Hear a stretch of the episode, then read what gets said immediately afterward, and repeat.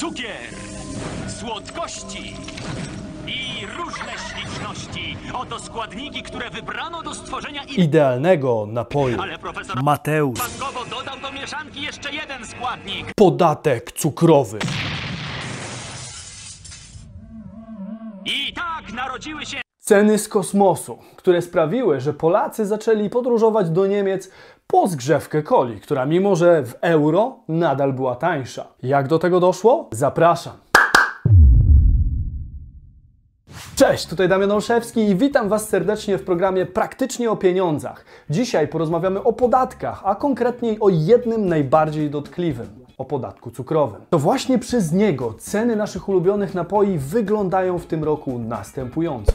Coca-Cola, litr 75. Cena wzrosła z około 4,35 do 6,29. Lipton Ice Tea z około 3,50 wskoczył na 5,69. Napój energetyczny Red Bull 250 ml skok z poziomu 5 zł do aż 7,49. Przez to w światowym rankingu ceny coli awansowaliśmy dość wysoko. Myślę, że gdzieś pomiędzy Uzbekistan a Mali. To dość spory skok, biorąc pod uwagę, że zawartość naszych portfeli w międzyczasie w ogóle się nie zmieniła. Choć pocieszający wydaje się być fakt, że na Kubie kola kosztuje 29 zł.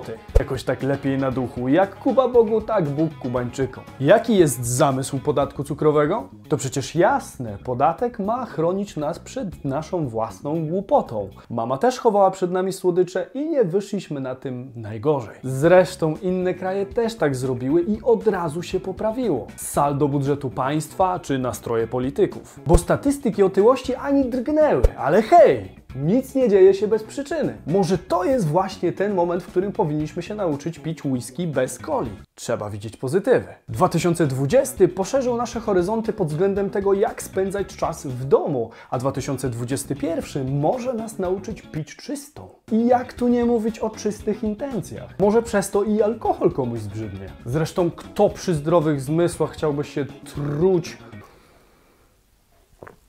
tym całym cukrem?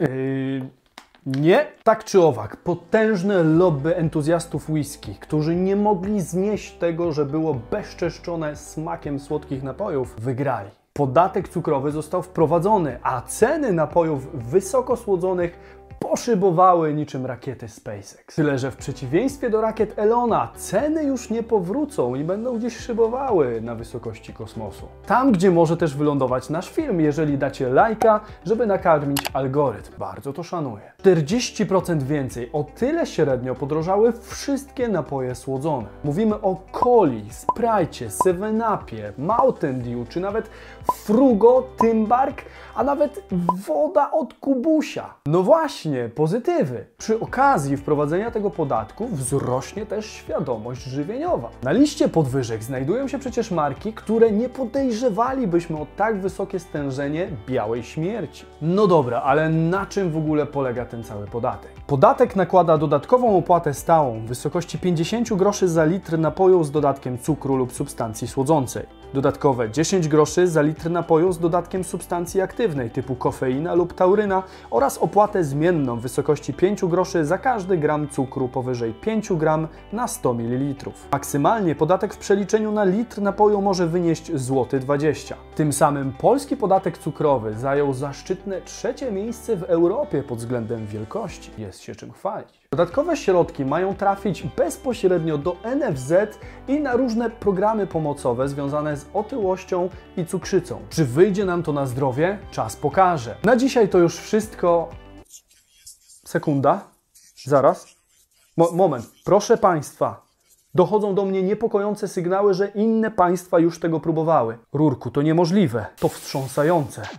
Drodzy Państwo, wiadomość z ostatniej chwili przekaże sam premier. Cukier jest niezdrowy i większość dojrzałych państw na świecie już dawno tę opłatę wprowadziła. Niestety to prawda. Nie wprowadziły go jedynie takie gospodarki jak USA, Chiny, Japonia, Australia, Niemcy czy Włochy, ale drodzy Państwo, oni są niedojrzali. Okazuje się, że wiele państw przed nami testowało już tą metodę walki z otyłością. Najlepiej pokazują to dane prezentowane przez WHO w 2016 roku. Pod lupę weźmiemy sobie Norwegię, gdzie podatek funkcjonuje od 1981 roku, Łotwę od 2004, Węgry od 2011 i Francję od 2012 roku. W momencie wprowadzenia podatku w Norwegii otyłych było około 10% społeczeństwa. Podatek cukrowy jedynie nieznacznie spowolnił ten trend z 1,6% na 1,4%.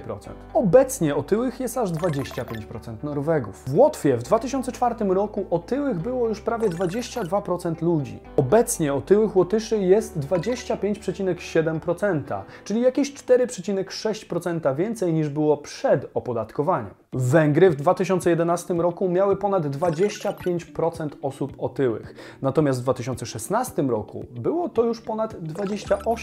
To może chociaż Francja pokazała klasę. W 2012 otyłych było przeszło 21% mieszkańców, czyli o jakieś 1,6% więcej niż 4 lata wcześniej. Po 4 latach wskaźnik rośnie o zaskakujące 1,6%, czyli dokładnie tyle samo, jak było przed opodatkowaniem. Okej, w Europie nie działa, ale może na świecie podatek cukrowy przynosi oczekiwane efekty? Niestety nie. W Meksyku, Chile czy Nauru, gdzie w tym ostatnim już ponad 60% społeczeństwa cierpi na otyłość, statystyka wygląda bardzo podobnie. Wniosek jest dość prosty. Obecnie żadne państwo na świecie nie jest w stanie pochwalić się spadkiem stopnia otyłości za sprawą podatku cukrowego. Ponadto spożycie napojów słodkich może spaść, ale kiedy odbierzemy ludziom możliwość zaspokajania potrzeb w jeden sposób, to skierujemy ich uwagę w stronę zamienników i to często gorszej jakości. Nie zlikwidujemy źródła problemu, a ludzie i tak znajdą sposób, aby konsumować dużą ilość cukru. Tak stało się choćby w Wielkiej Brytanii czy Danii, gdzie rozwinął się handel przy granicy z Niemcami. Dodatkowo podatek uderzy głównie w ludzi ubogich, którzy statystycznie znacznie częściej spożywają słodkie napoje. Ale jakie to ma znaczenie? Drodzy Państwo, przecież Polska ma szansę udowodnić, że da się ludzi zmusić do właściwych nawyków poprzez podatki. To niewątpliwie wielka szansa dla kraju. Teraz dla pokrzepienia serc zostawiam Was jeszcze z premierem naszego kraju.